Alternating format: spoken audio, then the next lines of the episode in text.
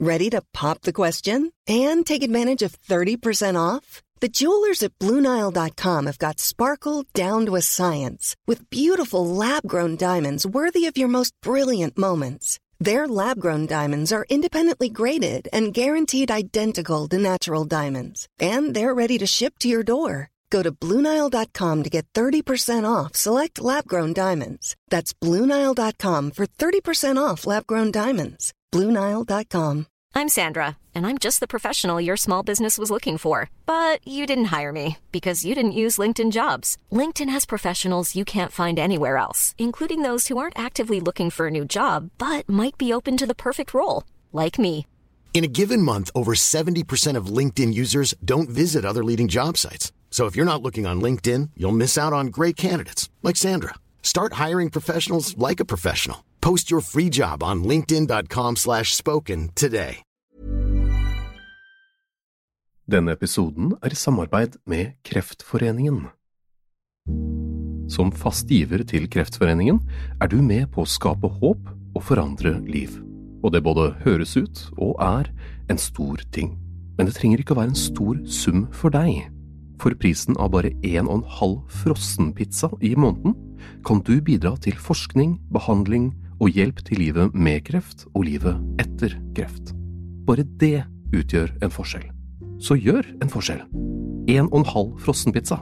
Du kan selvsagt gi mer hvis du vil, og du bestemmer selv om du gir månedlig, kvartalsvis eller halvårig. Ja, det hele er kjempefleksibelt. Det viktigste er at du som fast giver bidrar til at færre skal få kreft, og at flere skal overleve.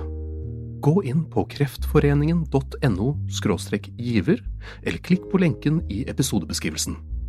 Som sagt, en og en halv frossenpizza. Bli fast giver hos Kreftforeningen i dag.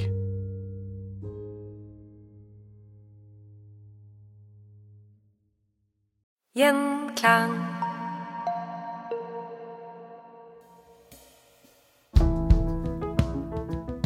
Kokt, bakt, ovnsgratinert, skrellet eller uskrellet, som french fries eller som chips. Den kommer i mange varianter, den kjære poteten. Velkommen til Historier som endret verden. På besøk hos oss i dag har vi Marianne Berg. Velkommen. Tusen takk. Du har skrevet boken Den fantastiske poteten, en kulturreise, som var veldig interessant lesning. Så vi får starte fra begynnelsen. Hvor kommer poteten fra? Det har det vært mye diskusjon om. Den poteten vi spiser i dag, den domestiserte poteten, den er nå alle enige om kommer fra Andesfjellene, Peru, rundt Etikakasjøen. Men den kom jo ikke Den er jo ikke ferdig fra naturens side for folk, den ble foredlet først. Og da vi, snakker vi om villpotet, som det fins ca. 150 arter av rundt omkring i Sør-Amerika, helt opp faktisk til Utah i eh, Altså USA. staten? Staten Utah? Staten Utah i USA. Ja, Så langt opp, ja. villpoteten. Og det morsomme er at der har de funnet i arkeologiske funn på villpotetfiber tilbake til 12 500 år før oss, da. Før, før vår tid. Så det er helt fantastisk. Og den poteten har de nå sammenlignet med en villpotet som bor der, og funnet ut at det er samme poteten. Four corner potato blir den kalt. Så det er den eldste vi vet om. Så har vi en, et funn i Chile, Sør-Chile, som er fra ca. 10 000. Og i Peru, der vi, sier det er potetens vugge, eh, der finnes den tilbake til 7000 år. Og domestisert er den ca. 4000 år. Og det fantastiske med den er jo at den har vært med på å danne en statsmakt. Uten poteten, den første statsmakten i Sør-Amerika, ville aldri latt seg gjøre å etablere. Hvilken stat var Det er? Tiwanaku, som var faktisk så stort at det, det var langt inn i eh, Argentina, eh, litt nede i Chile, men store deler av Peru og Bolivia. Eh, Og selve hovedsetet for denne kulturen, det ligger i Tivanaku, som ligger bare en time eh, å kjøre ut, ut fra mm, Peru-grensa mm. mot La Paz. Og der, dette var et Høyt oppe. Høyt oppe, 4000 meter cirka, Oi. over havet. Dette var et pilegrimssted.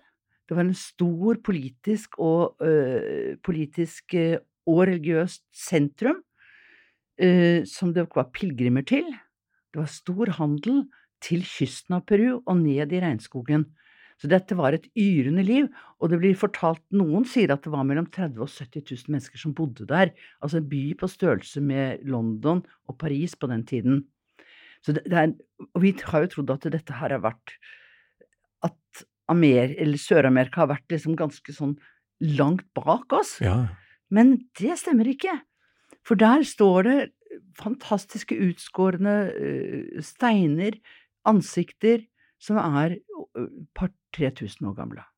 Dette her var da avhengig av poteten som greide å tåle disse høydemeterne? Ja, fordi at poteten kan da, som vi kjenner til, vokse ned til kysten og opp til 4000-5000 meter, 4500 meter. Da begynner den å trøble. Men uh, fantastisk. Så dette som uh, området rundt I Kina var det ris. I Mesopotamia var det korn. Mm. I Sør-Amerika var det potet. Så poteten danner grunnlaget for vanlig bosetning og gir den matsikkerheten som man må ha for å etablere et, en, en statsmakt. Uten matsikkerhet så har man ikke mulighet. Da må man fortsette å være nomader. Og det trengte de ikke. Når de klarte å dom domestisere potetene og kultivere den til å bli en smakfull liten sak. Ja. Ja, for hvordan smaker da villpoteten i forhold til en domestisert Altså, den kultiverte nå er jo veldig nøytral, egentlig, smak. Ganske god. Altså, den er jo kjempegod. Den tar jo opp, tar opp smaker fra alt mulig du lager. Mm. Moser du en god saus i, for eksempel, så blir jo det vidunderlig. Ja. Men, men den villpoteten er bitter. Den er full av solanin. Som det er det vi ikke skal spise, og som finnes på grønne poteter i butikken. mm. Det er jo en viss familie denne poteten eh, kommer eh, fra. Ja. Som, eh, den har noen, noen søsken. Den har søsken, for eksempel, så har den paprika, den har aubergine, tobakk, eh, chili, men så har den også mye villplanter, og fra langt tilbake i historien så har folk visst om disse søtvige sortene, som da har vært giftige og fulle av stoffer som ikke er laget der for at vi skulle ruse oss, men som er laget der for å beskytte plantene mot uttøy og at andre dyr skulle spise dem. Eh, blant annet poteten, når den ligger under jorda, så er den jo veldig bra, men som en gang den kommer opp i lyset, så begynner den å danne solanin, sånn at ikke for eksempel grevlingen eller disse her skal ha noe særlig lyst på dem. Som beskyttelse. Som beskyttelse, ja. ja. Men, eh, men de var fulle av solanin. Og det de klarte å gjøre da, det var at de fant ut en måte å eh, konservere dem på som gjorde at de fikk ut solaninen, og at, de, at de kunne spise, spise den som vanlig mat. Og gjennom den prosessen så gjorde de også poteten frysetørket, og da ble den også lagringsdyktig i årtier slik at dette bidro også til matsikkerheten, så hvis det kom frost for tidlig på 4000 meter, og alt potetriset frøs, ja, så hadde de liggende deilige chuno og tunta, som de heter. Ja, for jeg leste i boken din, og det var da også bilder hvordan dette her ble laget. Det, det er Jeg hadde aldri hørt om dette før. Men man, man moser poteten, og man frysetørker og tiner og frysetørker og tiner. Og det gjør det fortsatt? Den eh, produksjonen er helt vanlig, og det er, og det er sikkerhet for folk som lever i fjellene i dag. Det lages på den viset at det, du legger poteten utover på et strø, strålag, og så kommer nattefrosten. Da, dagen etter så er det strålende sol, og da er det ikke frost lenger, da er det plutselig 20 varmegrader, for det er enorm forskjell mellom dagtemperatur og nattemperatur. Da rykker hele familien ut og tråkker potetene. Akkurat som du har druetråkking i, eh, i Frankrike og Italia, så tråkker de disse potetene. Og, og gjennom dette så får de ut all safta, og dette fortsetter de med til potetene er helt tørket, frysetørket. Og da har de fått ut safta og solaninen. Og da kan den ligge i årevis, men, eller de kan bare bruke den med en gang, hvis de vil. Legge den i vann, så svelger den igjen, og så har de da veldig, veldig god uh, næring. Den mister kun C-vitaminer og ikke noen ting annet av næringsstoffene. Og disse, var det Tunta og Og chuno. Chuno, disse skulle jo da bli eh, ganske sentrale når det kommer noen fra Europa til Ja. Peru. Spanjolene. Ja, i 1533, da kommer Pizarro med sin hær. Det var jo ikke en stor hær, men han hadde med seg hester. Dette ble misforstått av peruanerne, for de trodde det var Viracocha som kom tilbake, den største guden. Ja. For der, det, myten forteller der at uh, han skulle komme tilbake med en båt, og han skulle ha skjegg. Og de hadde jo disse karene, de hadde skjegg, og de hadde jo andre farver på øynene enn en, en, en peruanerne.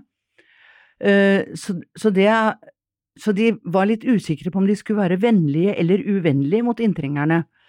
Det hele ender da i et basketak og et blodbad i Cajamarca, som ligger litt nord i, Chile, i Peru, i 1533 sirkus. Og der blir da inkaen tatt, altså inkakongen. Han blir tatt og satt i fange. Det hadde vært borgerkrig, mer eller mindre, i Peru, og det hadde vært også eh, en del både meslinger som hadde kommet med Altså som kom raskere enn eh, Pizarro. Sånn at det, det hadde vært mye sykdom. Kopper, meslinger. Eh, sykdommer som kom fra Vesten, som ikke de hadde noen form for motstandskraft mot. Eh, og mm, det er krise i hele Peru, egentlig, så det, de har lett match, disse spanjolene. Men de lærer seg da veldig fort at det ikke finnes noe skriftspråk, det finnes ei heller penger. Det var et pengeløst samfunn i Peru før spanjolene kom. Og de finner ut hvordan, hvordan fungerer dette samfunnet? Jo, de har noe som heter Mita. Og Mita er rett og slett at hvert sjuende år blir alle menn kalt ut om å tjenestegjøre. Og det var da både å dyrke for fellesskapet, det kunne være å grave veier, eller det kunne være å passe på landet. Eh, og til, i motytelse fra staten så fikk man man sikret mat, og man sikret kommunikasjon. Så dette var en vinn-vinn-situasjon for, for hele Inkariket, og var med på å styrke Inkariket. Men Pizarro og disse gutta, de lærte seg dette, så de fant ut at yes, nå når de finner Potosi-gruven, som var stinn av mineraler, så finner de ut at ok, nå kan vi bare ansette, vi kan kalle ut hvert syvende år, så kan vi kalle ut peruanerne til Potosi-gruven, så kan vi få de som gruvearbeidere, så gir vi de lite grann chuno, og så bitte lite grann penger, men ikke mer penger enn at det, det tilflyter mest til Europa. Og eh, en eh, kjent eh, økonomiprofessor fra Chicago-universitetet og har jobbet mye med å se på hvordan næringsmidler har påvirket verdenshistorien. Han heter William McNeil, og han skriver at uten Tunon så hadde vi ikke fått den store inflasjonen som kom rundt i Europa, og som spredde seg til hele, hele verden, faktisk, på 1600-tallet. Uten poteten og uten chuno så hadde det ikke blitt den store inflasjonen som startet i Spania, på grunn av at spanjolene eh, Det ble en stor prisstigning, og de klarte ikke å De begynte aldri å produsere selv, de var liksom herrefolk. Ja. De syntes de var litt for gode til å drive med småproduksjon. De Men- fikk så mye sølv ut av disse gruvene at de ikke trengte å produsere egne Ja, helt riktig, de fikk altså i 11 000 tonn med sølv og 180 tonn med gull. 11 000 tonn! 11 000 tonn! Det flommet over! Åh, det, det er ikke lite. Og det hadde ikke gått uten Mita og Chuno som betalingsmiddel. Så dette er første gangen, skriver han, at poteten eh, revolusjonerte verden, var med på en verdensrevolusjon. Og så kommer jo da denne poteten til Europa også etter hvert. Når er den kommer hit? Vi vet ikke eksakt årstall, og vi vet ikke eksakt hvem som tok det med, men vi vet at de eksporterte potet fra eh, Kanariøyene. I 1567 går det en lass med poteter til eh, Antwerpen og til Frankrike. Det er den første, og da må den ha kommet noe tidligere, sånn at de har fått dyrket opp potetene. Så hvis vi sier 1560, at den kom, kanskje, så er det bare 30 år etter, eh, 30 år etter at Pizarro tok turen til Peru. Det er veldig tidlig. Det er ganske tidlig, men det tok lang tid. Ja, for den var ikke noe særlig populær i begynnelsen? Nei, den, den, var, den var upopulær, og nettopp dette at den var av søtviefamilien, gjorde at den halta litt. Mm. Folk var redd søt, søtvie. Eh, I tillegg så var den under jorda. Eh, så den var ikke Den var umoralsk, sa de engelske pressene. Det var umoralsk vekst. Eh, Katarina den store, hun gjorde alt hun kunne for å få dem til å øh, dyrke potet, men hun fikk det ikke til fordi at øh, de ortodokse prestene ville ikke ha den. Så det måtte noen kriger til for at folk forsto at dette her er saker og ting. Og til og med for eksempel læresvenn til Linné, han sa at ja, disse, disse folkene i Amerika som spiser potet, de blir svakelige og skabbete, skriver han. Så den hadde ikke noe fin tur til Norge eh, opp gjennom Europa, bortsett fra Irland. Irland, ja. De kastet seg over poteten, og eh, der ble det tilstrekkelig med fire mål, eh, som de hadde gras og potet på, og da kunne de ha en ku. Og dette førte jo da til en enorm befolkningsvekst, fordi at man spiste sunnere mat. Poteten har da masse gode C-vitaminer i seg. Mm. Den har veldig høyverdige proteiner og lett eh, tilgjengelige karbohydrater. Kalsium, kalium, eh, B-vitaminer ja, You name it. Den er bare fullendt.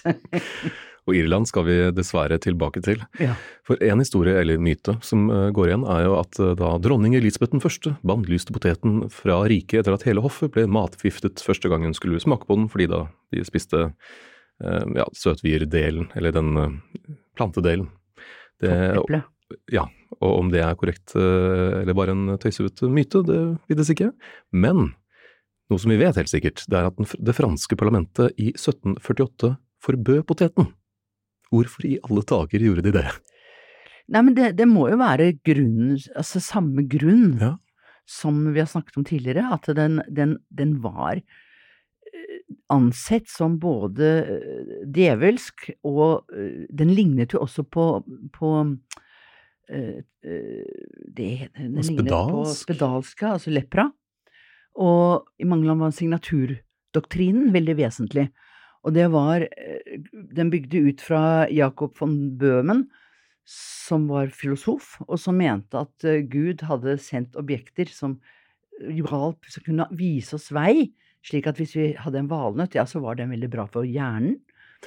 Hvis du da så på en stygg potet, som var ganske knudrete, fordi potetene som kom på den tiden, var mer, mye mer knudrete, kanskje mørkere i farven enn det vi har i dag, som vi har de nydeligste nydeligste eh, foredlede potetene uten øyne omtrent. Mm.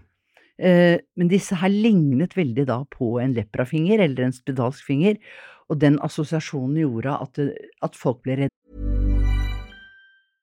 Hey, I'm Ryan Reynolds. At Mint Mobile, we like to do the opposite of what Big Wireless does. They charge you a lot, we charge you a little. So naturally, when they announced they'd be raising their prices due to inflation, we decided to deflate our prices due to not hating you. That's right. We're cutting the price of Mint Unlimited from $30 a month to just $15 a month. Give it a try at mintmobile.com slash switch. $45 upfront for three months plus taxes and fees. Promo for new customers for limited time. Unlimited more than 40 gigabytes per month. Slows. Full terms at mintmobile.com. Many of us have those stubborn pounds that seem impossible to lose, no matter how good we eat or how hard we work out. My solution is PlushCare. PlushCare is a leading telehealth provider with doctors who are there for you day and night to partner with you in your weight loss journey. They can prescribe FDA-approved weight loss medications like Wagovi and Zepbound for those who qualify. Plus, they accept most insurance plans. To get started, visit plushcare.com slash weight loss. That's plushcare.com slash weight loss. Roundabout Season 2, presented by Nissan, is live now, and we're back to share more stories from the road and the memories made along the way. We're talking rest stops, if we're stopping to get gas. You will be timed. Misguided plans, I grew up in the city, so I have like, you know, a healthy fear of real extreme darkness. a lot of laughs, Y'all weird, but you, yeah, you, you were different. and so much more. Listen and subscribe wherever you get your podcasts.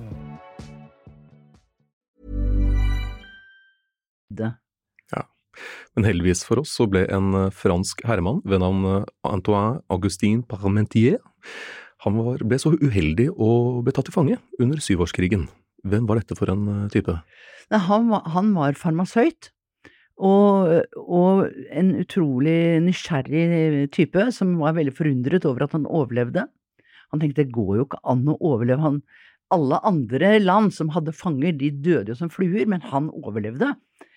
Så han reiser tilbake til, Peru, nei, til Paris, og han reiser tilbake til Paris, og der øh, begynner han å, finne, å forske på hva er det med denne veksten som han har spist, som gjør at han overlevde.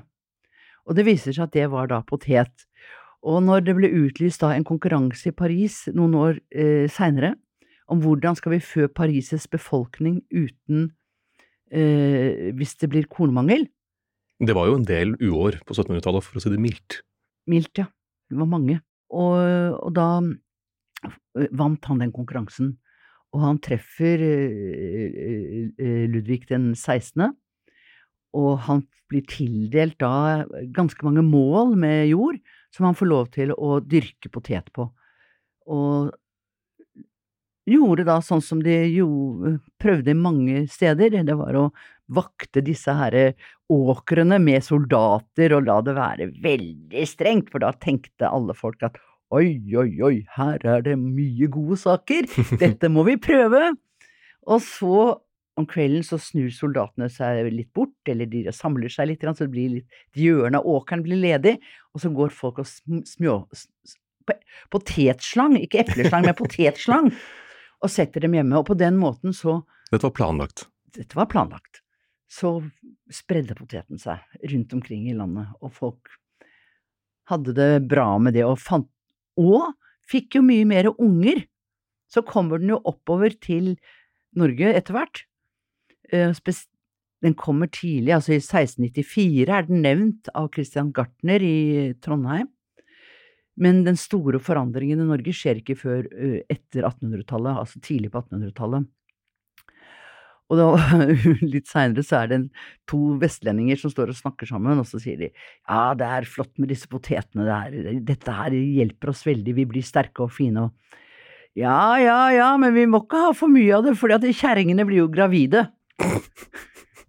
så så det, eh, den fører fordi at man slutter med så mye korn, Mm. som ofte var befengt med, med soppvekster, og som var, bidro til eh, dårlig, dårlig allmenntilstand, så blir poteten da eh, en erstatning og et tilskudd som gjør at det, blir mer barn. Flere overlever. Og tilbake i Frankrike så var det først etter var det i 1785, etter at eh, den skumle spedalskgivende poteten reddet Nord-Frankrike fra en eh, sultkatastrofe, at den begynte å bli akseptert. Men i Russland var poteten minst like lite ettertraktet. Da landet led av hungersnød i 1774, så sendte Fredrik den store gratis poteter til sultne bønder. Det må de ha blitt kjempeglade for. Nei. Det var ingen som ble glad i begynnelsen. De måtte sulte noen ganger, og det måtte liksom litt makt til.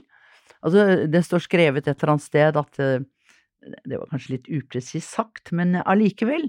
At eh, Fredrik, Fredrik andre truet med å slå nesen av folk som ikke ville dyrke poteter. Så, så var, de, de måtte bruke makt for å få poteten eh, til at vanlige folk skulle dyrke poteter. For eksempel så var det en prest i Danmark som sa å, jeg er så glad for at det ikke det finnes noen fattige i mitt sogn, for det er det ingen som trenger å dyrke poteter, for ikke engang hundene vil ha poteter. Så det er, det er liksom Det følger poteten hele tiden, alle disse dårlige historiene, Mm. eh, og det er helt opp til Norge. Men så, etter da 1800, så skjer det Da har vi hatt barkebrødsdagen i Norge, da skjer det store her. Og da vil folk ha potet. Og så en annen ting som skjer da, det er jo at eh, når vi får vår egen grunnlov i 1814, så er det en bonde som prøver å, å, å få det til at det skal bli tillatt for alle mennesker som har matrikkel, altså som eier eiendom, å brenne sitt eget brennevin. og da med potet. Det får han ikke inn i Grunnloven, men, men i, i 1816 da er det en ny type som foreslår dette på Stortinget, og får igjennom at alle som har matrikkel, kan brenne. I løpet av 20 år så er det 10 800 brenne, brennekjeler i Norge. Brennevinet fløt. Ja. Ja. Ja, for, um, apropos brenning, det er da i um, samme, samme år som potet ble gjort forbudt i Frankrike, så var en 24 år gammel svensk dame den uh, første til å bli valgt inn i den svenske kongelige vitenskapsakademiet. Ja. For uh, akkurat det, og dette er jo da noe som var forbeholdt menn, og det var 200 år, det tok 200 år før neste kvinne ble Mm. meldt inn. Og hun, Eva Ekblad, ble da meldt inn fordi Hun eh, klarte å få eh, massen av potet til å gjære ved bruk av grønn, eh, grønnkorn, som de kalte det, eh, altså malt. Men det var ikke nok med det. Hun klarte også å få til eh, lagde pudder og potetmel. Så pudder, det trengte de jo til parykkene sine. Mm. Sånn at de ikke skulle bruke så mye sink og annet veldig farlig sink og bly og alt mulig som de brukte som var kjempefarlig.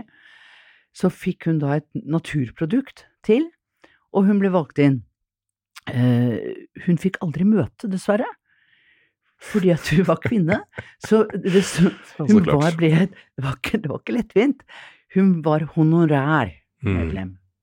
Og hun uh, oppdaget potetens spritpotensial. Ja. Det er sprit og uh, hårpulver. Ja.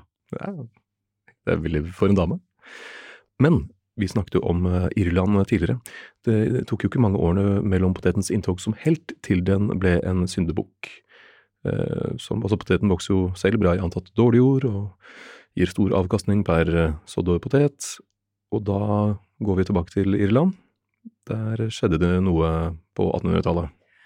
Ja, Irland var jo det landet da i Europa som raskest adopterte på en måte øh, poteten som øh, ikke bare en botanisk vekst, men som faktisk et viktig ernæringsbidrag. Den ble vanlig, og, de dyrket da potet øh, og gras. Tidligere hadde det bare vært altså kyr, altså mjølk, og korn, og det krevde store områder. Mens nå kunne folk som ikke eide jord sjøl, leie jord av grunneierne, for kornprisen var høy, og, det var ikke så, og de tjente mer på korn, landeierne, enn de tjente på å ha kyr og sau. Så derfor så fikk de på en måte litt ledig jord, og dette leide de ut til ungdom og folk som ikke eide jord, og da hadde de nok til å stifte familie. Så de stiftet mye tidligere familie, det ble mange familier, og de fikk jo forferdelig mye unger. Altså det virkelig, det kom mye unger. Og da tørråta kom til Irland, så hadde de ikke noe midler å hjelpe seg med. Det, det fantes ikke sprøytemidler, det var 80 av avlingen gikk tapt. Det var hungersnød, og styre, styresmaktene hadde ingen interesse heller av å hjelpe dem. Sånn Disse at- styresmaktene var da eh, briter. briter. Mm. De kunne importert korn fra andre steder, de gjorde ingenting. Og dette her endte jo fatalt, så det, det emigrerte ca. en million, og døde ca. en million mennesker. Og de emigrerte de fleste til USA, og var på en måte med på å for så vidt gjøre en liten revolusjon der òg, for det kom så mange på kort tid. Så, så det, det var også vesentlig, altså poteten var også der vesentlig til en stor samfunnsforandring. En annen eh, samfunnsforandring eh, på 1800-tallet er jo den industrielle revolusjonen. Det har du skrevet at henger sammen med poteten. Hvordan da? Jo, altså når du får veldig mye unger, Ja. si at det gikk fra to som overlevde til at plutselig er det syv som overlever Mm. av barna, så blir det et overskudd. Det er ikke alle disse kan jo ikke overta gårder og bare drive landbruket. Så det, ble, det var overskudd av arbeidskraft. Og dette henger sammen da med den teknologiske utviklingen. Og det var lett da for eh, områder som drev med både gruvedrift og eh, altså for å få ut kull, for eksempel, og andre produkter, og ansette jordarbeidere, tidligere jordarbeidere, eller barn av jordarbeidere. Og på den måten så ble det ledig arbeidskraft til at man kunne skape den industrielle revolusjonen som det faktisk ble. Så også der var poteten med. Ifølge, ifølge McNeil. Som du har eh, sagt, så er jo det poteten ja, altså den, den, kan gro omtrent hvor som helst. Den er ekstremt næringsrik og tåler det meste. Og Charles Darwin skrev dette om bord på båten Beagle.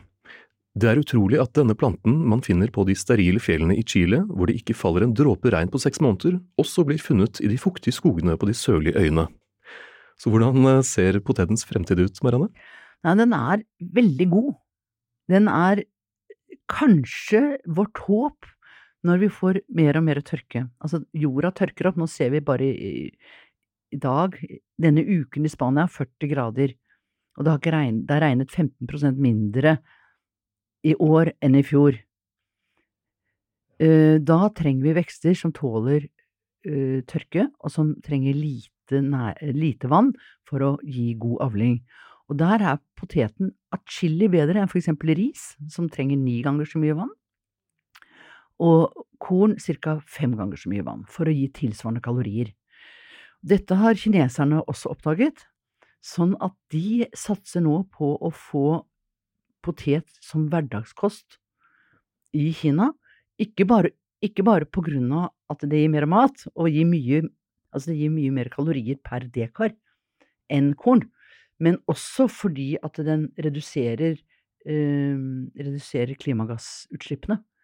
Så de sier at hvis de kan erstatte ganske mye av risproduksjonen uten at man begynner å importere fra andre land, så kan de redusere klimagassutslippene fra landbruket, grøntnæringen i landbruket, med 17–25% og det er jo veldig mye. mye. Ja. Så dette er kjempespennende tall som kommer fra Ninjang, øh, Ninjang øh, universitetene som har samarbeidet om dette prosjektet, og finne ut hvordan omlegging til potet blir. Det gjøres mye på forskerhold, Uh, nå har vi lært å sekvensere poteten, poteten og gen, gen, genomet til poteten. Og det, det, vi har funnet ut, er eh, Vi finner da for mer og mer hvor, hvor sitter disse forskjellige genene for resistens, altså motstand mot uh, sykdommer. Hvor sitter uh, Hvor er det farven på potetskallet? Altså alle disse tingene vet vi mer og mer om. Og det forskes nå på å få til poteter som tåler enda mer tørke, altså som kan tåle nesten å bo i ørkenen. De har gjort forsøk med, i samarbeid med NASA for å se om de kan få til en, en potet som kan overleve på Mars. En Mars-potet? En Mars-potet, det er ikke Mars-potet, men en Mars-potet. Og den, og den, øh, den øh, Da hentet de jord fra Atacama-ørkenen, som er verdens tørreste ørken, i Nord-Chile, og fraktet inn til Lima, til Senteret International de las Papas, og satte i gang et prosjekt der for å finne ut om, om de kunne finne noen av nåtidens poteter som kan sette knoller i så tørr og så salt jord. Og forsaltning av jorda er jo også et problem i dag. Mm. Sånn at dette å få til vekster som, som kan tilpasses det klimaet og de, de måte, ødeleggelsene som alt er gjort mange steder i verden, eh, det er veldig viktig, og det foregår for fullt rundt omkring på forskningsstasjoner i Norge. På, der er det program i nord, på Hamar, og eh, Lima, Kina, overalt. Fremtiden ser eh, lys og potetete ut? Absolutt, den ser veldig potetete ut, ja. og så er det at folk må slutte å tro at de blir feite av potet. Det er fremdeles sausen. Ja, det er et veldig godt poeng. Da har vi lært masse om eh, potetens utrolige reise. Så da er det bare å si Marianne Berg, tusen takk for at du kunne komme. Takk sjøl. Og vi legger da opp bilder og ulike fun facts på Instagram under Historier som endret verden. Og hvis du er interessert i mer lokal historie, nærmere bestemt norgeshistorien, så kan du høre et vell av episoder i vår søsterpodkast Historier som endret Norge. Alt fra vikingtiden til Mariusgenseren. Vi høres.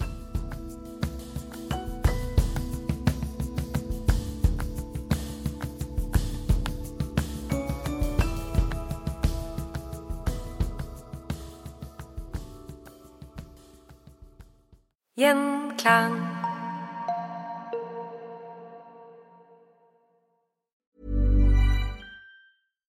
Step onto the legendary clay courts of Roland Garros, where the world's best players battle it out for a chance to win the French Open title. Tennis Channel Plus is your place to watch. Stream every court from your phone or smart TV, live in HD. Don't miss a moment with daily live coverage and match replays on demand, beginning Monday, May 20th. Be there for all the unforgettable moments. Stream now with Tennis Channel Plus. Roundabout Season 2, presented by Nissan, is live now, and we're back to share more stories from the road and the memories made along the way. We're talking rest stops. If we're stopping to get gas, you will be timed. Misguided plans. I grew up in the city, so I have like, you know, a healthy fear of real extreme darkness. a lot of laughs. Y'all weird, but you, yeah, you, you were different. And so much more. Listen and subscribe wherever you get your podcasts. ACAST powers the world's best podcasts. Here's a show that we recommend. The Real Housewives is a guilty pleasure for most, but if you're looking to not feel guilty about that pleasure, tune in to Everything Iconic with me, Danny Pellegrino, where I break down all the messy moments and behind the scenes antics of Bravo's popular franchise. And on Everything Iconic, I also interview celebrity guests like Kelly Ripa, Kiki Palmer, Drew Barrymore, Cameron Diaz, and more about their guilty pleasures, their past work, and so much more. So if you're pop culture obsessed and find yourself watching way too much reality TV like me, tune in to Everything Iconic with Danny Pellegrino wherever you listen to podcasts.